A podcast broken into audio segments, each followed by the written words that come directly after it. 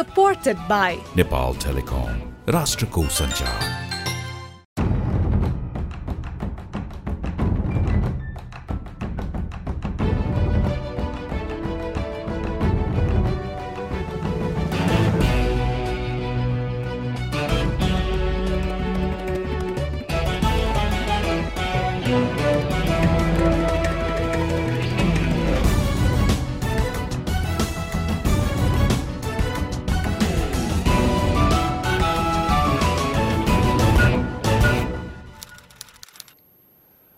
आदरणीय दर्शक तथा श्रोतावृन्द नमस्कार। कार्यक्रम टफ टकमा म दिलभूषण पाठक तपाईँ लगायत मेरा सबै सबै दर्शक तथा श्रोतालाई स्वागत गर्दछु। हिमालय टेलिभिजनमा हरेक बिहिबार साँझ नौ बजे प्रसारण हुने यो कार्यक्रम तपाईँ टफ टकको आफ्नो युट्युब च्यानलमा टफ टक प्रस्तुतकर्ता इन्टरफेस नेपालको web page Interface Nepal dot com र हाम्रो पात्रो एपमा हेर्न तथा आइओएस चलाउने श्रोताहरूले आइट्युन्स र एन्ड्रोइड चलाउने श्रोताहरूले नेपाली पडकास्टमा पनि टफ टक सुन्न सक्नुहुनेछ।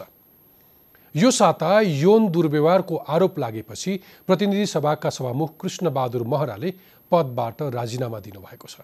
नेपालको संसदीय इतिहासमा व्यक्तिगत आचरणमा गम्भीर आरोप लागेपछि सभामुख पदबाट बहिर्गमन भएको यो पहिलो घटना हो। संसद सचिवालयमै कार्यरत महिलाले आफ्नै डेरामा आएर दुर्व्यवहारको आरोप लगाएपछि महराले पद छाड्नु भएको हो। उहाँको राजीनामा आएपछि भने आरोप लगाउने महिलाले नै बयान फेरेर आफूलाई दुर्व्यवहार नभएको बताएपछि यो घटनाले रोचक मोड लिएको छ। उता चिनीय राष्ट्रपति सी जिनपिङ असोजको अन्तिम साता नेपालमा भ्रमण आउने करिब करिब टुङ्गो लागेको छ। राष्ट्रपति सीको भ्रमणका लागि सडक मर्मत होटल बुकिङदेखि सुरक्षा रणनीति समेत बनाउन थालिएको छ। भ्रमणमा नेपालले दसवटा योजनाहरूमा द्विपक्षीय सहमति र सम्झौता गर्ने गरी सूची तयार गरेको छ। अब लागौँ आजको विषयतर्फ।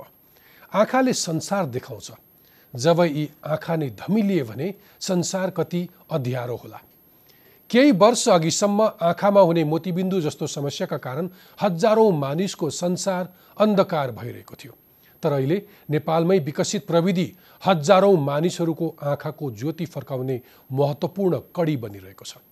अन्य रोगहरूको गुणस्तरीय उपचारका लागि अहिले पनि विदेश जानुपर्ने बाध्यता छ।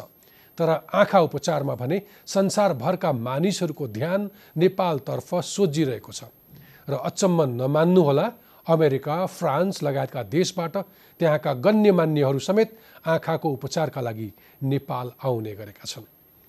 आँखा उपचारमा यस्तो क्रान्तिकारी सफलता हासिल गर्ने व्यक्ति हुनुहुन्छ डाक्टर सन्दुक रुइत उहाँले हालसम्म झन्डै एक लाखभन्दा बढी दृष्टिबिनहरूलाई आँखाको ज्योति फर्काइसक्नु भएको छ।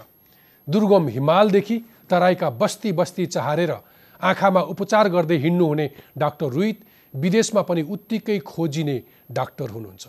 रुइतका बारेमा हलिउड अभिनेता रिचर्ड गेयरले भनेका छन् रुहित संसारकै सबैभन्दा राम्रा जीवित नेत्र शल्य चिकित्सक र मानवतावादीहरूमध्ये एक हुन्। आफ्नै पेसाका वरिष्ठहरूले नपत्याइरहेका बेला उहाँले नेपालमै अति कम मूल्यमा इन्ट्राकुलर लेन्स उत्पादन गर्नुभयो र अहिले डाक्टर रुहितकै कारण तिलगङ्गा आँखा प्रतिष्ठान नेपाल आँखा कार्यक्रमले अन्तर्राष्ट्रिय ख्याति कमाइरहेका छन्। नेपाल सरकारबाट हालै राष्ट्रिय प्रतिभा पुरस्कारले सम्मानित डाक्टर रोहितले एसियाको चर्चित रेमन म्यागासेसे र भारतको पद्मश्री लगायतका पुरस्कार पनि पाउनु भएको छ। ताप्लेजुङको ओलाङचुङ गोला जस्तो दुर्गम गाउँमा जन्मेर यति ठुलो सफलता हासिल गर्नुभएका डाक्टर रुहितको जीवन सङ्घर्ष र सफलताको एउटा सत्य कथा हो। उहाँको जीवन भोगाइमा आधारित अस्ट्रेलियाकी पत्रकार अली ग्रिपरले लेखेको द बेयर फुड सर्जन पुस्तकको नेपाली अनुवाद पनि हालै प्रकाशित भएको छ। विपन्न नागरिकहरूको आँखामा ज्योति भर्ने काममा उहाँ कसरी लाग्नुभयो? आँखा उपचारमा उहाँको यो क्रान्तिकारी सफलता कसरी सम्भव भयो? नेपालमा विकसित उपचार पद्धति अन्य मुलुकमा कसरी निर्यात भइरहेको छ? चार दशक लामो चिकित्सा पेसामा उहाँले कस्तो दुःख हन्डर खेप्नु पर्यो नेपालमा चिकित्सीय अनुसन्धान गर्नेहरूका लागि सरकार र गैर सरकारी तौरबाट कस्तो सहयोग अथवा हन्डर झेल्नुपर्छ। यस्तै प्रश्नको जवाब खोज्न आज मसँग हुनुहुन्छ नेत्र चिकित्सामा एक सफल चिकित्सक डाक्टर सन्दुक रुइत आउनुहोस् स्वागत गरौँ आजका मेरा अतिथि डाक्टर सन्दुक रुइतलाई डाक्टर साहब टफटकमा स्वागत छ। धन्यवाद हजुर। आराम हुनुहुन्छ? एकदम ठिक छ अहिले हजुर। आजको कुरोका कुराकानी म बधाईबाटै सुरुवात गर्न चाहन्छु तपाईँलाई भर्खरै सरकारले राष्ट्रिय प्रतिभा पुरस्कारबाट सम्मानित गर्यो। त्यसको लागि बधाई पनि दिन चाहन्छु। म धेरै धेरै धन्यवाद। विशेष त तपाईँको कस्तो भनेदेखि नेपालमै नेपाल सरकारले नै मलाई दिया हुनाले म सरकार त्यसपछि नेपाली जनताहरूलाई धेरै धन्यवाद दिन चाहन्छु तपाईँले कति वर्षको बालकदेखि कति वर्षको वृद्धासम्मलाई अपरेट गर्नुभयो दृष्टि दिनुभएको छ अब पहिला पहिला त मैले सानो बालकलाई पनि गरे होला है तपाईँको दुई वर्ष तिन वर्षदेखि सबभन्दा धेरै उमेर पुगेको भने म आफैलाई थाहा पाएसम्म मैले एक सय दस वर्ष. हजुर। अब 110 तपाईँको। अस्तिको पुस्तक विमोचनमा तपाईँले आमन्त्रण गर्नुभएको थियो। एकजना वक्ता। हजुर। जसले एक्काइस वर्षको उमेरसम्म आँखा देख्नु भएन। जन्मेदेखि एक्काइस वर्षको उमेरमा तपाईँले अपरेट गरिदिनु भयो हजुर। र तिनले संसार देखे। एक्काइस वर्षको उमेरमा आएपछि। त्यसपछि त्यस उपरान्त आज उहाँ विद्यालयमा पठन पाठन गराउनुहुन्छ। अस्ति तपाईँको विमोचनमा आएर उहाँले बोल्नुभयो। उहाँको वास्तविक कथा के थियो? उसको तपाईँको आँखामा जन्मजात मोतीबिन्दु थियो।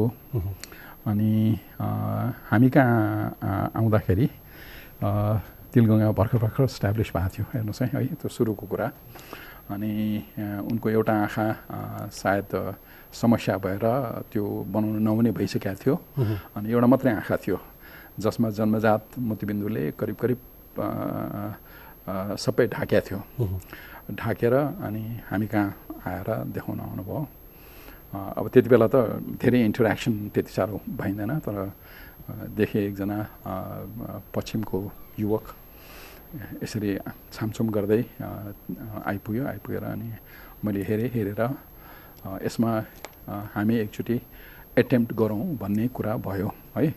बच्चाको मोतीबिन्दुमा कहिले पनि हामीले प्रोटेक्सन चाहिँ हन्ड्रेड पर्सेन्ट दिनु गाह्रो हुन्छ।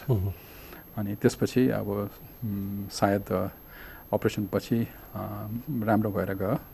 राम्रो भएर गएर मलाई केमा आनन्द लाग्छ भने हामीले एकजनाको आँखा त्यसरी आँखामा ज्योति ल्याउँदाखेरि त्यसले त्यो बिरामीको आफ्नो जीवन त त्यसले डेफिनेटली त्यसले त्यसले तपाईँको बदल बदलाउँछ। र धेरै राम्रो कुराहरू उसको जीवनमा लिएर आउँछ। तर त्यो सँगसँगै त्यो त्यो मान्छेलाई समाजमा एउटा जिम्मेवार व्यक्तिको रूपमा समाजमा पेस गर्छ। जस्तो कि हाम्रो टोपबहादुर है एउटा टिचर भएर उसले अब गएको बिस वर्षसम्म कतिजना बालकलाई पढायो होला। अब यो मलाई कति कति आनन्द लाग्छ यो सुन्दाखेरि हेर्नुहोस् त है। अनि आफ्नो मात्रै होइन त्यसले कतिजना मान्छेहरूको त्यसले जीवनमा त्यसले चाहिँ शिक्षा दियो होला। अनि ऊ आफै पनि यसमा यसले उसँग कुरा गर्दाखेरि उसले ओनरसिप लिन्छ यसको है। यसले उसले चाहिँ आफूले फिल गर्छ उसले आफूले भित्रबाट त्यो भावना चाहिँ उसले पोख्छ। म यसरी गर्नु सकिरहेको छु। अब अहिले देख्दै नदेख्ने मान्छेले महिनाको तपाईँको तिस पैँतिस हजार कमाउँछ अनि आफ्नो सन्तानलाई उसले हेरिरहेछ। अब योभन्दा मतलब तपाईँको यो यो मैले संसारमा भन्छु योभन्दा धेरै कुरा हामीले खोज्नु पनि हुँदैन। तपाईँले एक लाख बिस हजारभन्दा बढी बिरामीलाई दृष्टि दिइसक्नु भएको छ। हजुर। त्यही भएर तपाईँलाई धेरै नजिकबाट चिन्नेहरू तपाईँको काम बुझ्नेहरूले तपाईँलाई गड अफ साइट भनेर भन्ने गर्छन्। उपाधि दिएछ। अघिल्लो वर्ष एउटा बालकले तपाईँलाई अङ्कमाल गरेर भावुक भएको दृश्य यत्र त्यत्र सबैले देख्न पाइयो सबैतिर। ती बालकको कथा के थियो? रोशन थिङ है तिनी मकवानपुरका एकजना दृष्टिविहीन बालक थिए। बाह्र तेह्र वर्षको। अनि अब मैले अब धेरै क्राउड हुन्छ क्राउड अनुरूप। त्यही क्राउडमा सर्जरीमा आयो आएर अनि हामीले सर्जरी गऱ्यौँ। र गर्दाखेरि अब त्यो चाहिँ कस्तो भने तेह्र वर्षको बालक हुनाले बेहोस नगरिकन गर्दाखेरि हामीले इन्जेक्सन मात्रै दिएर गर्दाखेरि अलिकति हाम्रो स्टाफहरूको काउन्सिलिङ चाहिन्छ। र हाम्रो तिलुङ्गाको स्टाफहरू दे भेरी गुड है यस्तो कुरामा। यति राम्रोसँग उनीहरूले सेट गरेर लिएर जान्छ कि हामीले कहीँ नगर्नु नसक्ने कुरा पनि हामी गर्नु सक्छौँ कहिले काहीँ है। प्रोफेसनल हजुर हजुर हजुर हजुर। एकजनाले भन्छ तिलुङ्गाको स्टाफहरू काम गर्दाखेरि स्विजरल्यान्डमा घडीको फ्याक्ट्रीमा काम गरेर जस्तो गर्छु हुन्छ भन्छ क्या एउटा एउटा कुइरीले एउटा कोट त्यो गरेको एकजना है विदेशीले कोट गरेको एकजना है त्यो डिटेलमा। र त्यो प्रेसिजनमा काम गर्छ भनेर भन्छ। तर यो बालककाको त्यसै गरेर हामीले बेहोस नगरिकन हामीले अपरेसन गऱ्यौँ। अनि गर्ने बेलामा अलिकति त्यो छटपटाएँ अनि मैले बिचमा कुरा गर्दै गएँ। रोशन के खान्छौ त तिमी? भोलि हामी यो गइसकेपछि हामी तिमीलाई खानु दिउँला भनेर अनि उसले यस्तो यस्तो भन्यो। अनि त्यसपछि अर्को आँखा गऱ्यौँ। दुइटैमा करिब सय पर्सेन्ट नै ढाक्या थियो। अनि दुइटै आँखामा गऱ्यौँ गरिसकेपछि अनि पट्टी लाएर उसलाई बाहिर पठायौँ। र अर्को दिन हामीले त्यसरी नै बिरामीको चाहिँ सबैको हामी एक्जामिनेसन गर्छौँ आँखामा। सबैको ठिक छ कि छैन कसैलाई के गर्नुपर्ने छ कि अरू औषधिहरू थप गर्नुपर्ने छ कि कसैको फेरि सर्जरीमा अलिकति चेन्ज गर्नुपर्ने हुन्छ कि भनेर हेर्छौँ। हेर्ने बेलामा एकजना निजगढको एकजना नेवार दिदी थिए है? अनि उहाँलाई हामीले हेरिरहेको थियौँ। उहाँ पनि बिल्कुल आँखा ठ्याप्प बन्द भएर आएको। अनि उहाँको रियाक्सनहरू यसो हेर्दै थियौँ। अनि हेरेर नेक्स्टमा ती बालका थिए। अनि तिनलाई आँखा सट्टै खोल्यौँ। खोलेपछि अनि म उतातिर कुर्सीमा बस्नु गएँ। कुर्सीमा बस्ने बस्ने उता जाने बित्तिकै अनि मैले खालि बोलेँ रोशन कस्तो छ तिमीलाई? भन्ने बित्तिकै त्यो आवाज सुनेर त्यो बालक मसँग पुरा म झम्टेर आयो। चिने। चिने। त्योभन्दा अगाडि नदेख्दाखेरि उसले। सुनिरहेको र तपाईँले। तयारी गर्दाखेरि। बुझेको सबै कुरा थाहा पाए हजुर। तर उनीहरूले पनि कस्तो भने आँखा नदेखेपछि स्वरमा बढी उनीहरूको तपाईँको खुबी हुन्छ स्वर चिन्ने हो कि? अनि आएर त्यसपछि मलाई त झम्टेर आयो एकदमै। अनि म आफै पनि मैले त्यो भावना एक्सप्रेस गर्नै सकिनँ। तर यो स्वत फुर्ती भन्छ नि आफै हो कि? आफैबाट आएको अनि आएर मलाई छामछुम गर्न थाले। छोडै छोडेन एकछिन त है? है? आँखाको चिकित्सक हुनुहुन्छ। मेरो प्रश्न कति सही हुन्छ। हजुर। यस्तो बेलामा तपाईँको पनि आँखाबाट धेरै आँसु आउँछ नि आउँछ आउँछ? एकदम एकदम आउँछ। आउँछ। मेरो मन पग्लेर जान्छ। अनि म अरू अरूभन्दा मेरो मन अझ तपाईँको धेरै पग्लिन्छ पग्लिन्छ। तर यसले हामीलाई है भविष्यमा अझ डह्रोसँग अझ धेरै काम गर्नलाई यसले दिन्छ। तपाईँले अघि अरूको भन्दा मेरो मन पग्लिन्छ। त्यही मनको कारण तपाईँ यहाँ हुनुहुन्छ। त्यही मनले डोराएको हो नि यहाँसम्मको यात्रा होइन? एकदम आज एउटा गड अफ साइडको उपाधि त्यही मनको स्वभावले गर्दा हुनुभयो नि। मन अलिकति कठोर भएको भए अरू कुनै पेसा छान्नुहुन्थ्यो होला। सायद। सायद हो। मैले किताबमा तपाईँसँग अन्तर्वार्ता गरेपछि अस्ति दुई चार दिन किताब पढेर एउटा च्याप्टर पिक गरेको थिएँ मार्क गरेको थिएँ। अहिले बोक्न बिर्सेछु तर म यो मैले मेन्सन गर्नुपर्छ। म कति केसहरू केलाउन राम्रो ठान्छु। तपाईँको पुस्तकको पहिलो आमुख मा कान्छीको कथा छ। हजुर। जो कान्छीलाई उसका दाइले डोकोमा राखेर बोकेर ल्याउँछ। कान्छीको आफ्नै बच्चा छ। कान्छी आँखा देख्दिनन्। दुई चार दिन लगाएर तपाईँको क्याम्पमा लिएर आएको छ। माथि हिमालबाट पाखरीबाससम्म तपाईँहरूले अपरेट गर्नुहुन्छ। अनि अपरेट गरिसकेपछि उनले कति वर्षसम्म नदेखेको? गर्व पहिले उनी आँखा देख्थिन्? हजुर। पहिले उनी आँखा देख्थिन् उनी सायद बिस वर्षको उमेरसम्म आँखा देख्थिन्। अनि त्यसपछि अर्को तिस वर्ष दस वर्ष दस वर्ष उनी आँखा बिस्तार गरेर बन्द हुँदै दस वर्षसम्म नदेखिकन बसे हामी कहाँ आउँदाखेरि उन्तिस तिस वर्षको थिइन् गएको आठ नौ वर्षदेखि देखेको छैन। देखाएको छैन। यो बिचमा उनले गर्व बस्यो। बच्चा पाइन् र बच्चा सहित उनी उनले बच्चा देखेका छैन। अन्ध दृष्टि नभएकोलाई बच्चा पाइन्। बच्चा लिएर बच्चा सहित तपाईँको शिविरमा आएपछि अनि तपाईँले जुन दृष्टि दिनुभयो र उनले आँखा देखिन् त्यस पछाडिको रियाक्सन बडो मुटु छुने खालको छ। त्यो ठ्याक्कै के थियो मलाई भनिदिनुहुन्छ किताबमा त्यो अपरेट गर्नुभयो? हजुर त्यो बिरामी हामीले शिविर चाहिँ तपाईँले भन्नुभएको जस्तै अ, पाखरीबासमा गराएको थियौँ त्यहाँ ब्रिटिस क्याम्प छ हगि अनि बिरामी चाहिँ माथि किमाथाङ्काको छेउमा हगि भनेपछि माथि बोर्डरमै हगि अनि सौखा सभा कटेर अनि यिनीहरू करिब करिब मेरो विचारमा सात आठ दिन हिँडेरै आएको थिए। अब त्यति बेला त हामी आजभन्दा बिस पच्चिस वर्ष अगाडिको कुरा गर्दैछौँ। त्यति बेला यातायातको साधन पनि थिएन है। अनि हामी कहाँ आइपुग्दाखेरि ती बिरामीको देखिन्थ्यो खुट्टामा अब पुरा त्यो रगत हो कि त्यो बाटोमा ठुक्दै बाटो हिँड्दै गर्दा हुन्छ नि तपाईँको है? अनि उनकी श्रीमान है? ले बच्चालाई काखमा लिएर अनि त्यही मुखमा लिटो अलिकति मुखमा खुवायो अनि बच्चालाई खुवाउने त्यस्तो गरेर लिएर आएको थियो। लिएर आएर हामीले उसको शल्यक्रिया हामीले नर्मल जस्तै गऱ्यौँ। तर शल्यक्रिया गर्दा उसको आँखामा ओखरभन्दा कडा कडा मोतीबिन्दु थियो। एकदमै जमेर बसेका थिए। त्यो ओखर जस्तै कडा हुन्छ कोट्याउनलाई साँच्चै त्यस्तै हुन्छ? अथवा कडा हुन्छ मेन न्युक्लियस चाहिँ तपाईँको जति छिप्पिँदै गएपछि झन् झन् कडा हुँदै जान्छ। अब कडा हुँदै गइसकेपछि पछि गएर त ओखरभन्दा पनि ढुङ्गा जस्तो भएर जान्छ। है त? र यति धेरै छिप्पिया थिए। अनि हामीले सर्जरी गऱ्यौँ। गरिसकेपछि नेक्स्ट डे अब बिरामीहरूलाई हामीले पालमा राखेका थियौँ। अनि पालमा मैले अब ती स्त्री राखेको पालमा हामीले अनि कुनामा थियो उनको।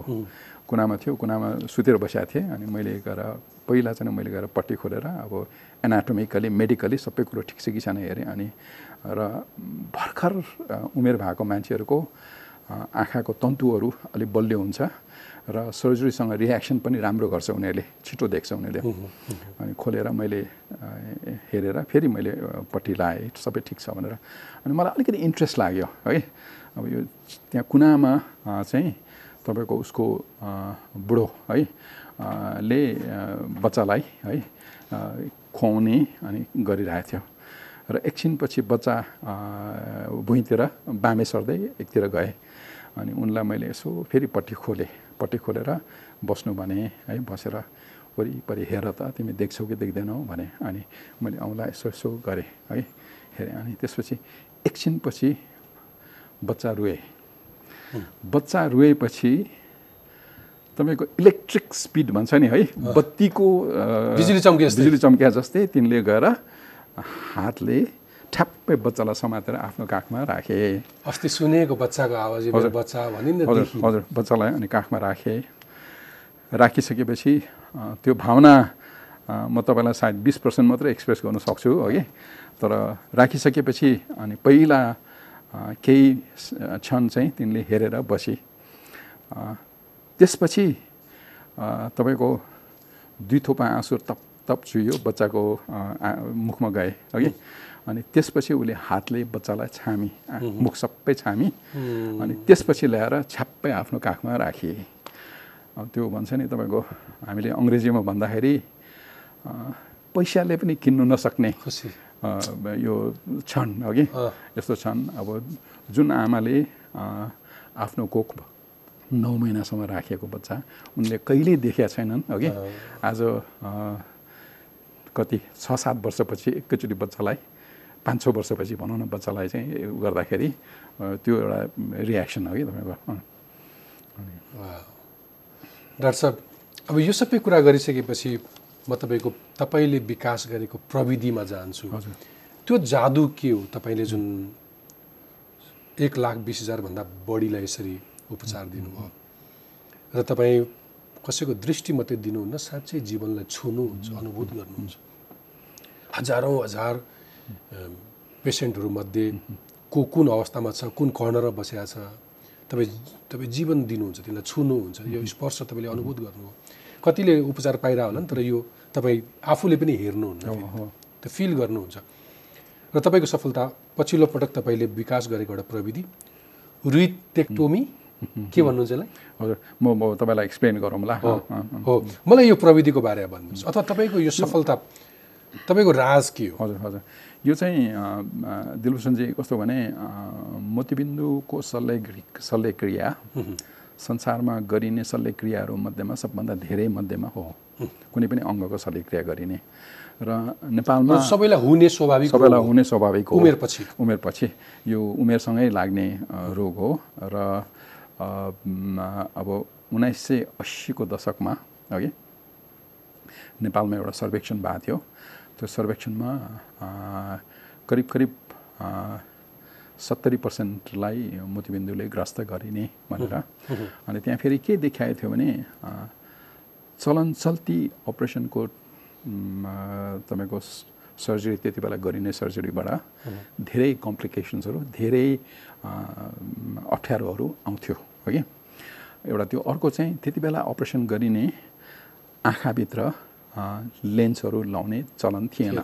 एकदम मोटो चस्मा लगाएर बिरामीलाई हामीले दिनु। गिलासको हामीले। कक बोटल ग्लास भनेर भन्छौँ नि त्यो त्यो ग्लास लगाएर नेपाल जस्तो ठाउँमा हो कि जहाँ चाहिँ तपाईँको हामीलाई हाम्रो दैनिकी गर्नुलाई पनि आँखाको रोशनी राम्रो हुनुपर्छ। एकदम है। तपाईँको अलिकति अलिकति गोरेटो हिँड्नै पर्छ हेर्नुहोस् है। अनि त्यो चस्मा लगाएर अनि अनि के देखियो भने साठी पर्सेन्टभन्दा बढी अपरेसन पछि चस्मा चाहिँ उनीहरूले लाएनन् हो कि एउटा त्यो। र त्यति बेला मलाई चाहिँ जहिले पनि के लाग्थ्यो भने हामीले यो विकासशील देशमा गरिने जुन अपरेसन हो त्यो अपरेसनलाई हाम्रो नेपाल जस्तो ठाउँमा किन गर्नु सक्दैनौँ भन्ने कुरा त्यो कुराले मलाई जहिले पनि मेरो तपाईँको गजगजाइरह्यो। गजगजाइरह्यो जहिले पनि जहिले पनि यो कुराले नि हो कि? अनि यसको कालान्तरमा मैले के ब्यारियर्सहरू के के चिजले रोकिया छ भनेर मैले हेरेँ। अनि हेर्दाखेरि एउटा चाहिँ सबभन्दा ठुलो सर्जरी गर्ने प्रविधि हो कि? त्यो सर्जरी गर्ने प्रविधि चाहिँ त्यो विदेशमा गर्ने प्रविधि हाम्रो नेपालमा गर्दाखेरि अलिकति गाह्रो हुन्छ। हामीलाई लोकल्ली एप्लिकेबल स्थानीय तौरमै हामीले गर्नु सक्ने र धेरै मासलाई हामीले गर्नु सक्ने र कस्ट कम्ती कसरी गर्नु सक्छौँ भन्ने कुरा त्यो है तर रिजल्ट फेरि राम्रो है अनि यो हिसाबले हामीले गर्दै जाँदाखेरि अनि हामीले आएर आँखामा लेन्स राख्ने प्रविधिको अपरेसन सायदै भनौँ न यो विकासोन्मुख देशमा एउटा कम्युनिटी लेभलमा हामीले नेपालमा चाहिँ एउटा प्रयोजन गऱ्यौँ। त्यो प्रयोजन गऱ्यौँ। गर्दाखेरि धेरै च्यालेन्जेसहरू आयो र आखिरमा यसलाई फाइन ट्युन गरेर तपाईँको यसलाई चाहिँ हामीले एउटा स्मल इन्सिजन क्याट्राक्ट सर्जरी भनेर डेभलप गरेर अनि र यो एउटा बाटो हो। अर्को चाहिँ यसलाई चाहिने कन्जुमेबल्सहरू जस्तो इन्ट्रोअक्युलर लेन्स त्यो है हो। त्यो इन्ट्रोअक्युलर लेन्स चाहिँ बजारमा त्यति बेला दुई सय डलर जति पर्थ्यो। हामीले अब ने नेपालमै बनाएर त्यसको दाम चाहिँ झारेर तिन डलरमा पुऱ्यायौँ। दुई सय डलरको लेन्स। तिन डलरमा पुऱ्यायौँ हो र त्यो लेन्सले चाहिँ अघि भनेको त्यो ढ्याब्रे चर्चमा रिप्लेस गर्दैछ। पर्दैन है? त्यो लाउनु पर्दैन। त्यो लेन्स हामीले अनि यो सबै सिस्टमलाई नेपाल जस्तो ठाउँमा हामीले एउटा सर्जिकल डेलिभरी सिस्टम एउटामा त्यसलाई फिट गरेर कसरी हामीले यसलाई प्रोसेस हामीले गर्न सक्छौँ? र नेपालमा यो सक्सेसफुल भइसकेपछि अनि अनि बाहिरबाट यसको इन्ट्रेस्ट चाहिँ नि आयो है?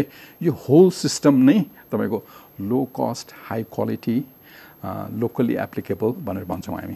तर तपाईँले त्यतिखेर यो प्रयत्न गर्दै गर्दाखेरि चाहिँ त्यही प्रविधिलाई हो रुई टेक्मे टुमी हजुर भन्ने। हजुर। प्रोसेसलाई त्यो प्रविधि तपाईँले का लागि प्रयत्न गर्दाखेरि चाहिँ तपाईँको किताबकै अंश मैले पढेँ भने पढ्छु। त्यति सजिलो चाहिँ रहेनछ होइन? जस्तो रुहित आफूभन्दा यो अस्ट्रेलियाका एक पत्रकारले लेखेको किताब हो त्यसको अंश। त्यसकारण अर्कै फर्ममा छ यो। रोहित आफूभन्दा माथिका बोसहरूलाई मोतियाबिन्दुको आधुनिक शल्यक्रिया अपनाउन जति अनुनय विनय गर्थे त्यसलाई इन्कार गर्न उनीहरू त्यति नै जिद्दी गर्थे। रोहितका कतिपय विरोधीहरू त उनीप्रति खुलेआम वैरभाव राख्थे। यस्तो सपना देख्न छोड सन्दुक। यो काम गर्न तिमीसँग न उपकरणहरू छन् न लेन्सहरू नै छन्। तिनीहरूले भन्थे यो काम कदापि हुनेवाला छैन। तिमी असम्भव कुरा गरिरहेको छौ। यसलाई यति महँगो पर्छ कि कल्पनै गर्न सकिँदैन। कसरी सम्झिनुहुन्छ त्यो दिन? अब यो सायद अब यो सबै तपाईँको ब्यारियर्स र सबै मुस्किलहरू चाहिँ तपाईँको मेरो अगाडि नभएको भए म तपाईँको कुर्सीमा आएर आज बस्दा पनि बस्दिनँ थियो होला हो कि? कहिले कहिले चाहिँ कहिले कहिले चाहिँ त्यो ब्यारियरहरू स्ट्रेन्थ भएर आउँछ है? बिल्कुल बिल्कुल बिल्कुल।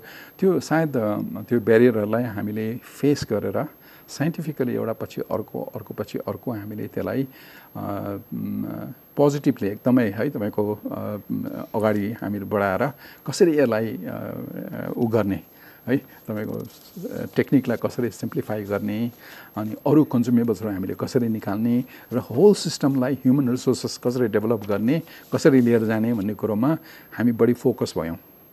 अनि त्यही भए हुनाले पनि अब अहिले डेभलप भइसकेपछि यसमा अन्तर्राष्ट्रिय एउटा आकर्षण छ हेर्नुहोस् है।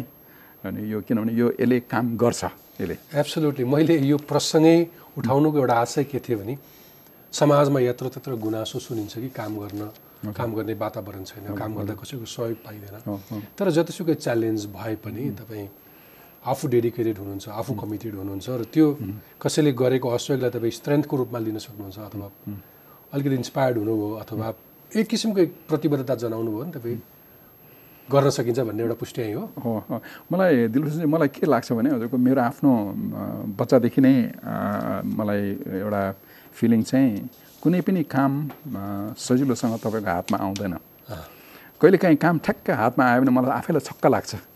कसरी यो आयो भनेर है यसकारण त्यो त्यो कामभन्दा अगाडि अलिकति मुस्किल अलिकति च्यालेन्जेसहरू डेफिनेटली आउँछ र हामीले त्यसलाई च्यालेन्जेसलाई हामीले एउटा मौकाको रूपमा हामीले यसलाई लिएर जानुपर्छ जस्तो लाग्छ।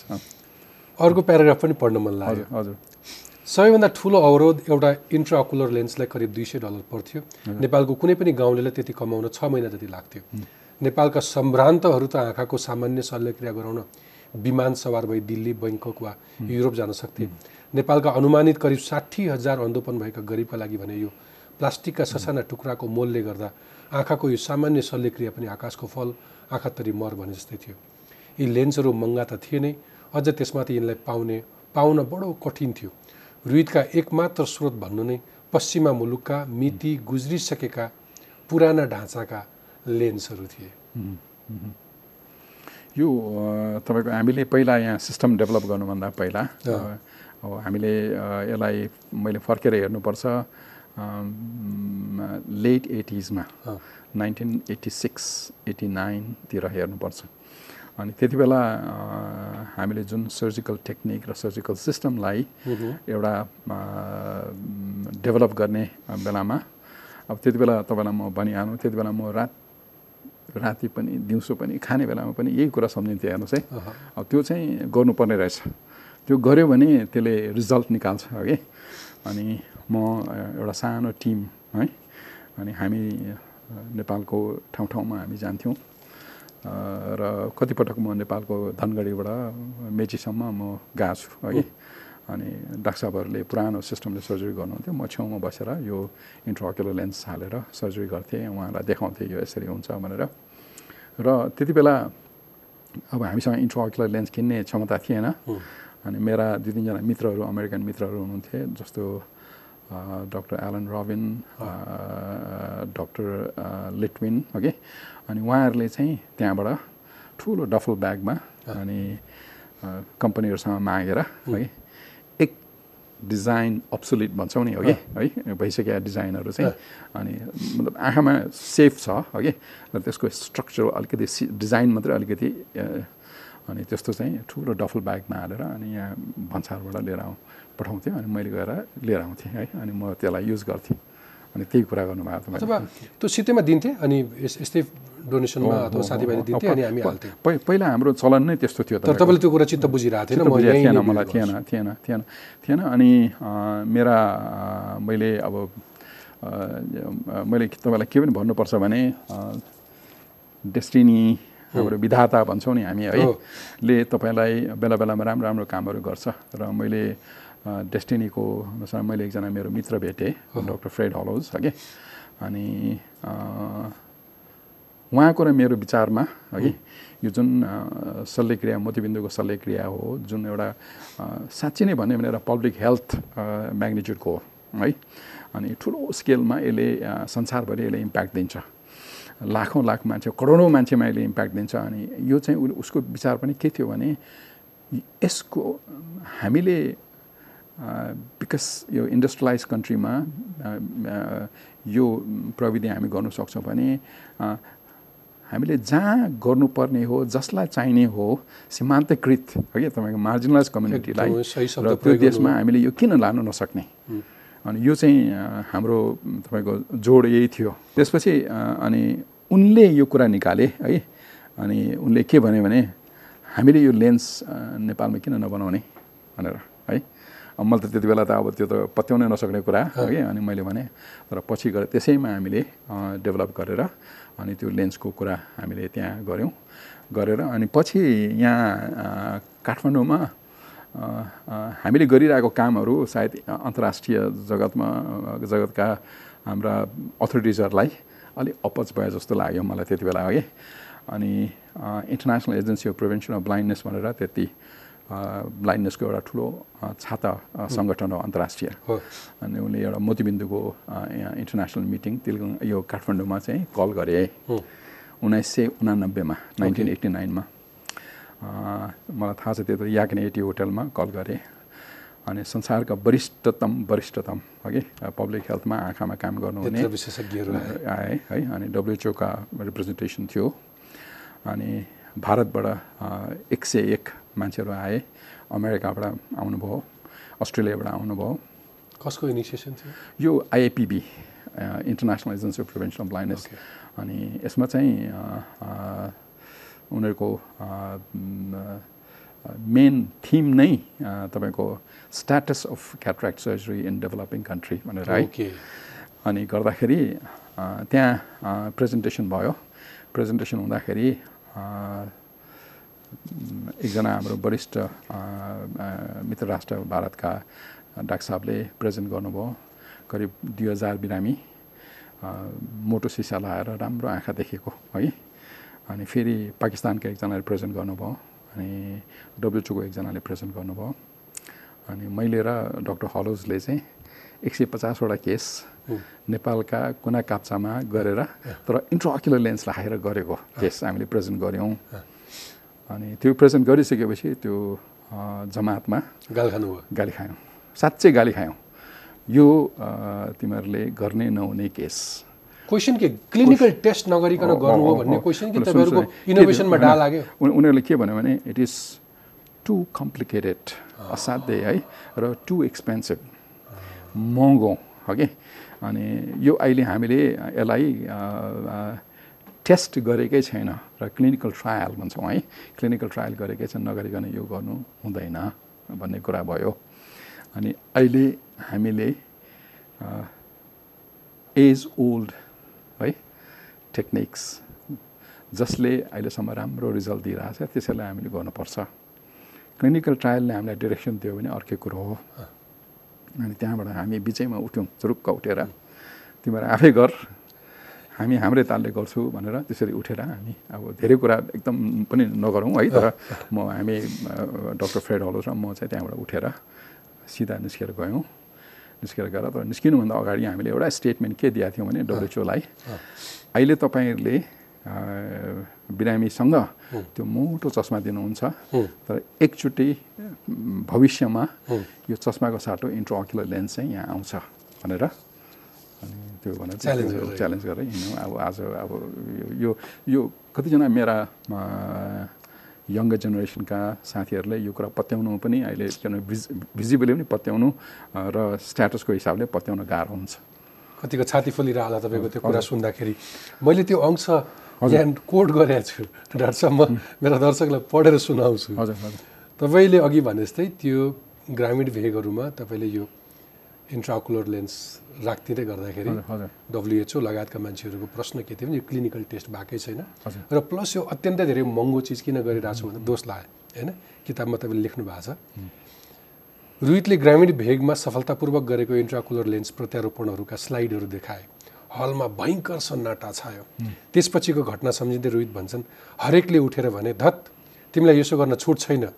त्यहाँ साँच्ची नै साँच्चीकै खैला बैला मचियो। ती सब रिसले रन्थनिए तिमीले चाहे जस्तो गरी हरेक मानिसलाई मद्दत गर्ने आफ्नो औकात छैन। हाम्रो औकातै छैन।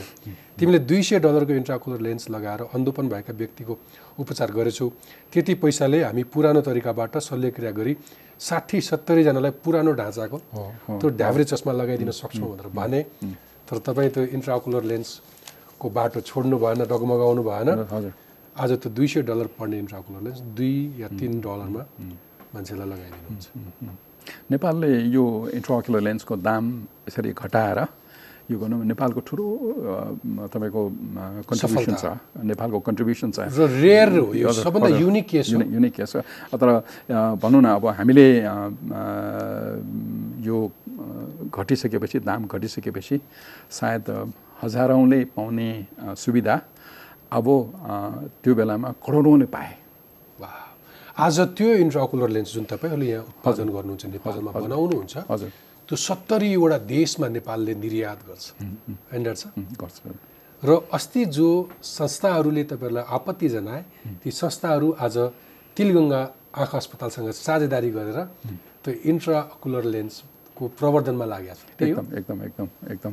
मलाई अब- कतिवटा देशमा कसरी निर्यात हुन्छ कसरी उत्पादन गर्नुहुन्छ? अब यो तपाईँको हाम्रो सबभन्दा ठुलो काम चाहिँ विश्वस्तरीय क्वालिटीको है लेन्स चाहिँ हामीले लो कस्टमा यहाँ म्यानुफ्याक्चर गरेर अनि जनमानसलाई स्तरीय इन्ट्राक्युलर लेन्स चाहिँ हामीले यो मोतीबिन्दुको शल्यक्रियाको लागि उपलब्ध गराउने हाम्रो ध्येय त्यही थियो। हो। र हाम्रो च्याप्टर वान हाम्रो यो ध्येय पुरा भए अघि।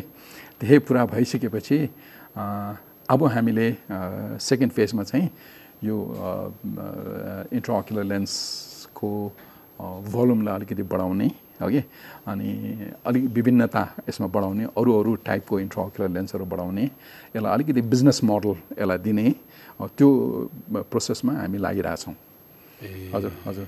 ए त्यसो भए मान्छेले सडकबाट हिँड्दा ओर्दा अथवा आँखा देखाउन जाँदाखेरि तिलगङ्गा आँखा अस्पताललाई एउटा अरू कुनै आँखा अस्पताल जस्तो देखे बाहिरबाट देख्दाखेरि। तर त्यसले एउटा कुनै आँखाको रोगीलाई उपचार मात्रै नदिएर उसले विश्वका अरू धेरै राष्ट्रहरूलाई उपयोगी हुने कम मूल्यमा इन्ट्राकुलर लेन्स लगायतको निर्माणहरू उत्पादनहरूमा लागिरहेछ त्यो संस्था। लागिरहेको थियो र लागिरहेछ। एकदम एकदम आज यसको पहिचान विश्व स्तरमा कहाँनिर छ? कसरी लिन्छन् यसलाई? अब तपाईँले जस्तो अब हामीले इन्ट्राक्युलर लेन्स नेपालमा बनाउँदाखेरि इन्डियामा एउटा कम्पनीले बनाउँथ्यो अघि अनि अहिले आएर इन्डियामा अब धेरै कम्पनीहरूले बनाउँछ अनि यसमा मुनाफा पनि उहाँहरूलाई धेरै छ। अनि त्यो भावनाले धेरैले बनाउँछ।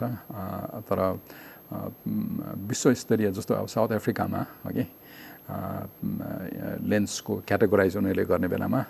अनि अमेरिकामा बनेको लेन्स प्रिमियम आउँछ। त्यसपछि अलिकति तल नेपालमा बनेको लेन्स आउँछ। त्यसपछि इन्डियामा बनेको लेन्स आउँछ हेर्नुहोस् है। है। अनि अब चाइनामा है।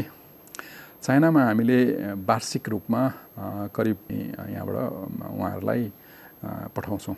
है। र चाइनामा चाइना ड्रग फेडरेसनले क्वालिटी एस्योर गरेको लेन्स इन्डियन सब कन्टिनेन्टमा सायद हाम्रो मात्रै होला।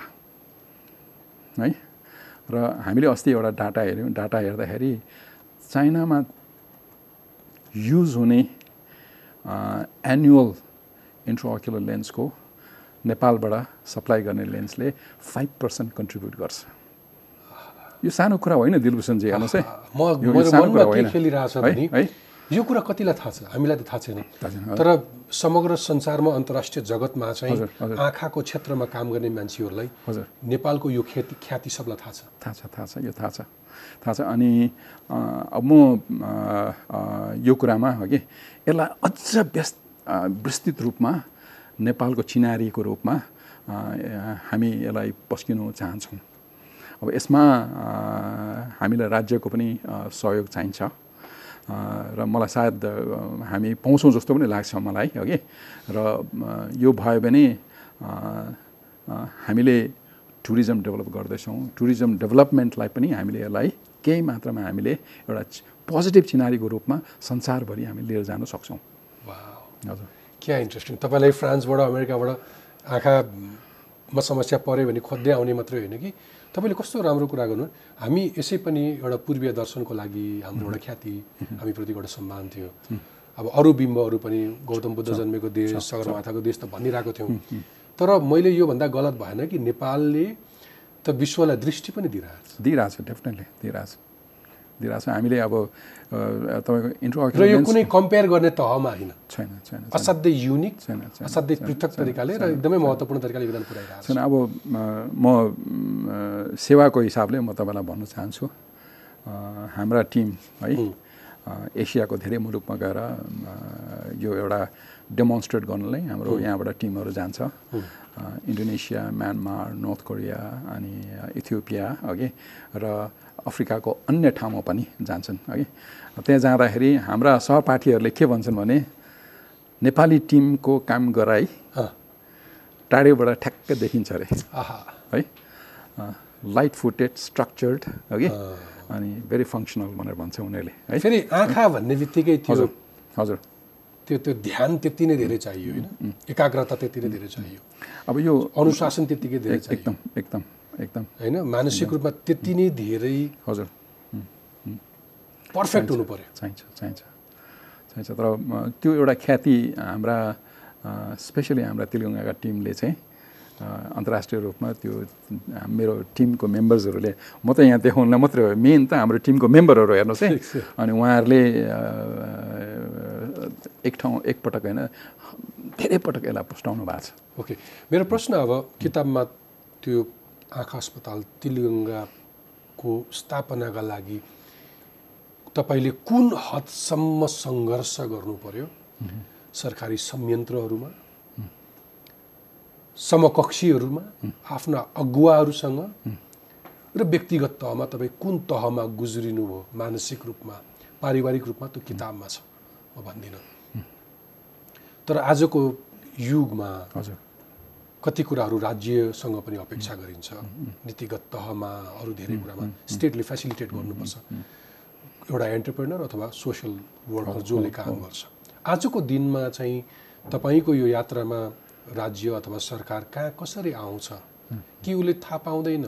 कसैले भनिदिएपछि आज ओहो यस्ता हुनहार मान्छे यो मुलुकमा रहेछन् भनेर अनि राष्ट्रिय पुरस्कारका लागि कसैले साह्रै पोजिसन लिएपछि सिफारिस भएर स्टेटले अनर गर्छ अथवा अरू कामहरू गर्नका लागि पनि तपाईँहरूलाई राज्यको केही सहयोग छ। कि सरकार आफ्नै तालमा हुन्छ तपाईँहरू आफ्नै तालमा काम गर्नुहुन्छ मलाई मलाई भन्दाखेरि के भन्नुपर्छ भने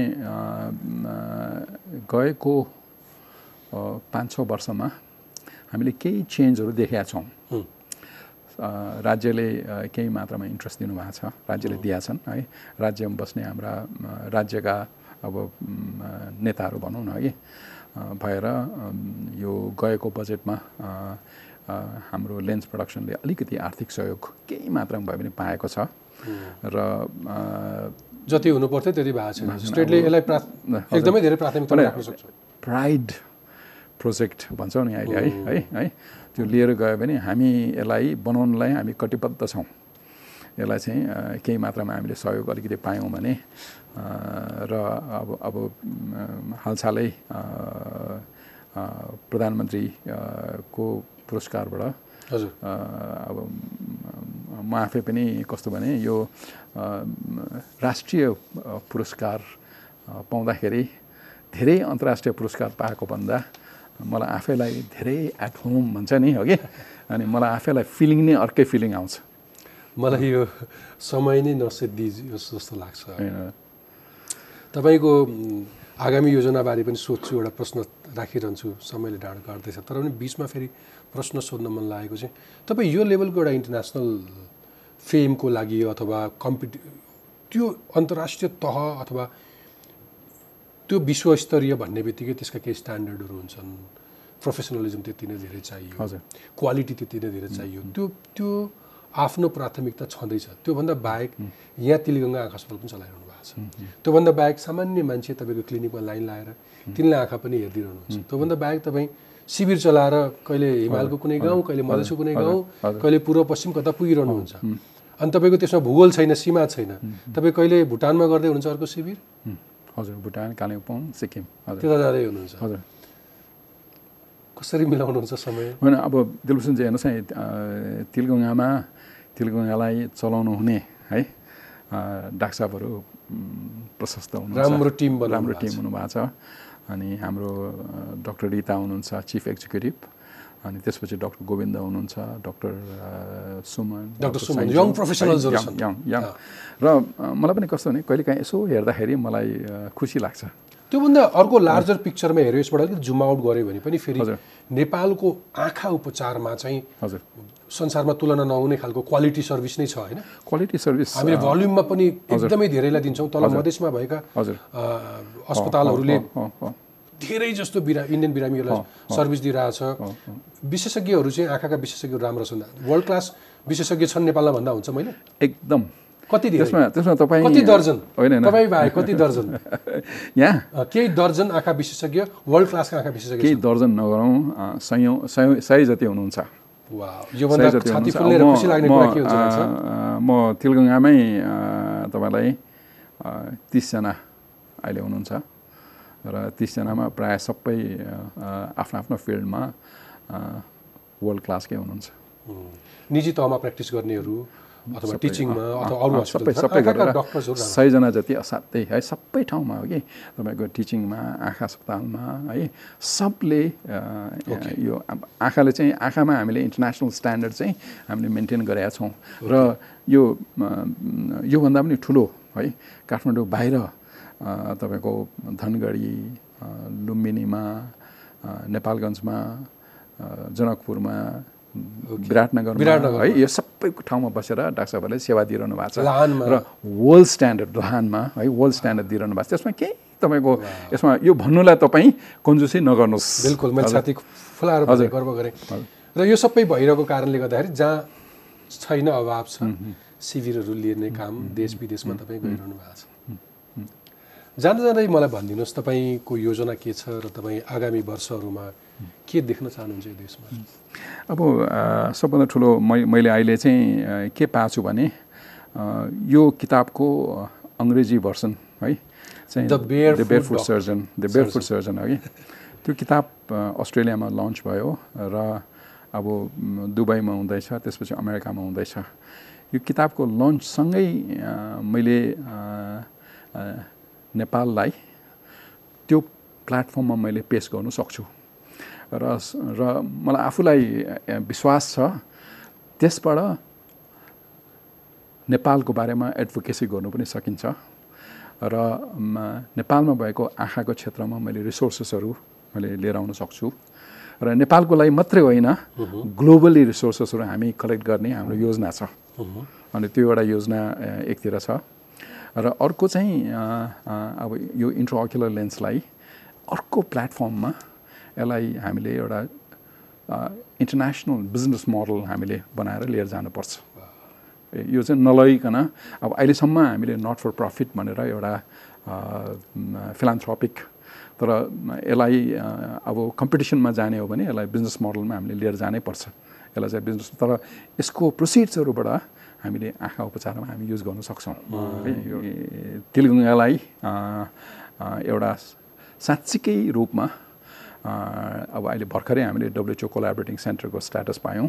साँच्चीकै रूपमा एउटा ट्रेनिङको इन्टरनेसनल ट्रेनिङ हब मात्रै बनाउने भएन। देशमा पनि एउटा यसलाई केही हदसम्म युनिभर्सिटीको स्ट्याटस यसले है यसले चाहिँ सायद यसले खोजिरहेछ।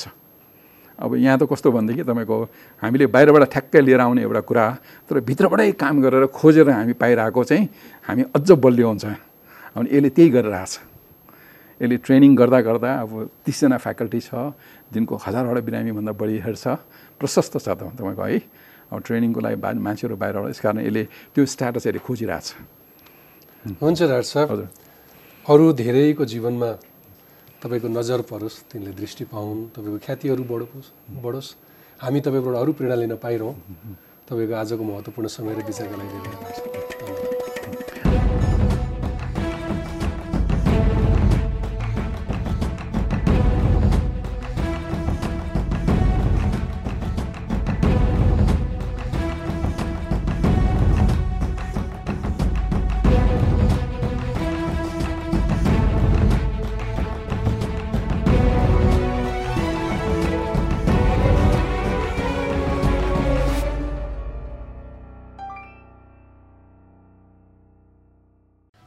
Supported by Nepal Telecom, Rashtrakuta Sanchar.